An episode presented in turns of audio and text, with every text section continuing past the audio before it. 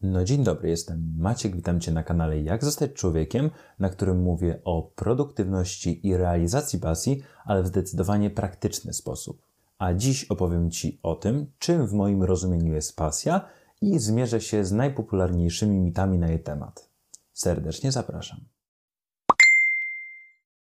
Pierwszym mitem jest to, że mamy tylko jedną pasję i że musimy ją znaleźć, a potem kultywować do końca naszego życia. Jest to totalna bzdura, ponieważ bierzemy za pasję czynność, którą wykonujemy, a nie uczucie, które temu towarzyszy. A właśnie to uczucie i nasze pobudki tworzą naszą pasję. Czyli możemy, załóżmy, robić coś dla wiedzy i wszystkie czynności, które będą dawać nam tą wiedzę, będą naszą pasją. I tutaj ważne jest, żeby wspomnieć to, że liczą się do, do pasji tylko rzeczy, na które miałeś faktyczny wpływ. O co mi tu chodzi?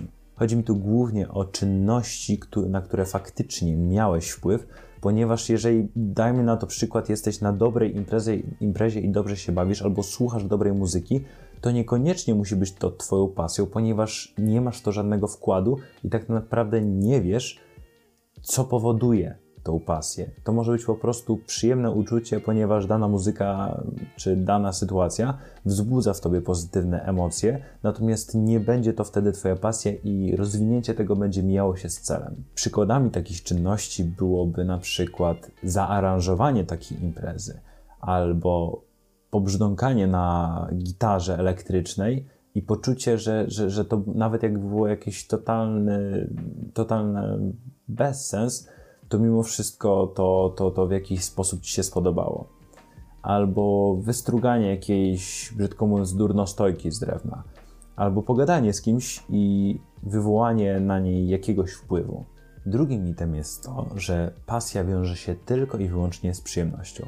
Jest to mit głównie z tego powodu, że pasja bardzo często wiąże się z cierpieniem. I właściwie takim korem pasji jest to, że potrafisz za nią cierpieć. Jako przykład mogę Ci podać na przykład sportowca i to, że kiedy załóżmy, nie wiem, masz biegacza i on biegnie, to często wiąże się to z bólem, w sensie z, ze zmęczeniem i bólem mięśni. Albo jakiegoś twórcę. Jego twórczość może spotkać się z bardzo ostrą krytyką, ale jeżeli się tym pasjonuje, to będzie robił to dalej pomimo tej krytyki. I to jest właśnie pójście dalej pomimo cierpienia, które to wywołuje. Z drugiej strony, cierpieniem w tym rozumieniu może być też to, że załóżmy pasja idzie ci dobrze, ale musisz rezygnować na poczet pasji z czegoś innego. I to też jest swojego rodzaju cierpienie, które wiąże się z pasją. Na przykład e, chcesz uczyć się jednocześnie angielskiego i grać na gitarze, więc załóżmy granie na gitarze jest twoją pasją i przestajesz uczyć się angielskiego, bo potrzebujesz tych godzin, które byś wykorzystał na uczenie się angielskiego, właśnie na grę gita na gitarze. I trzeci typowo polski mit jest taki,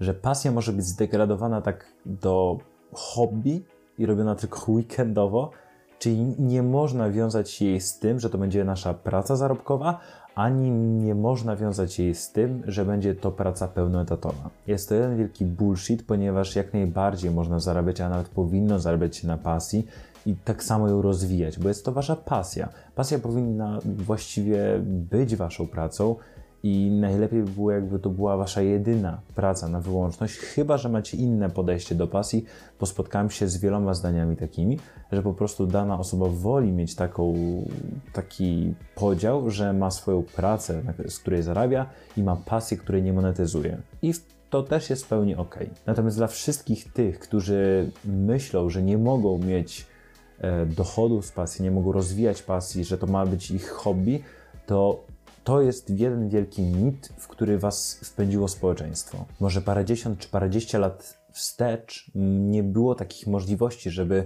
z każdej możliwej pasji e, zrobić pracę, ale żyjemy w takich dobrych czasach, że jest to już możliwe. Dlatego warto to wykorzystać i inwestować w swoją pasję. To jest jedna z podstawowych inwestycji, inwestycja w siebie, inwestycja w pasję, które zawsze się zwracają. Przykładami takich pasji, które są zdegradowane do hobby, ale przez niektórych były rozwinięte i są bardzo profitowe, to na przykład granie na komputerze, które jest powszechnie uważane za stratę czasu, a w tym momencie jest to tak rozwinięta branża roz rozrywkowa, że nawet zapalczywie grając w swoją grę, możesz w tym momencie zarobić dużo pieniędzy, tylko trzeba być miał najlepszym, wiadomo, ale masz na to możliwość. Tak samo jest z e, uczeniem ludzi, czy z e, nawet gadaniem o głupim maśle orzechowym.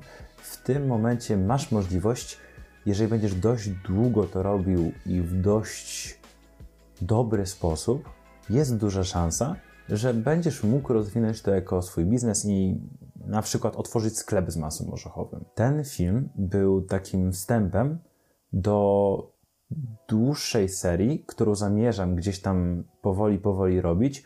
Jest to seria właśnie do, pomagająca Ci dążyć do pasji.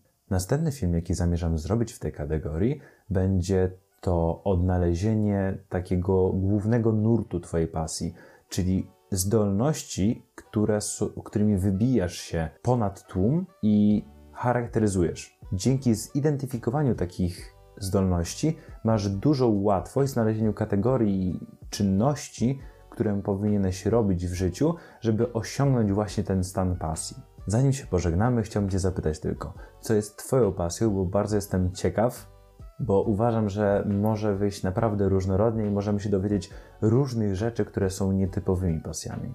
Także gorąco zachęcam Cię do napisania tego w komentarzu.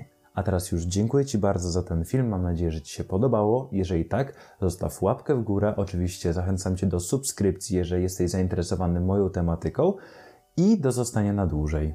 Jeżeli masz jakieś uwagi lub propozycje do następnych filmów, gorąco zachęcam Cię również do, do napisania ich w komentarzu. Także to było na dzisiaj tyle. Na razie.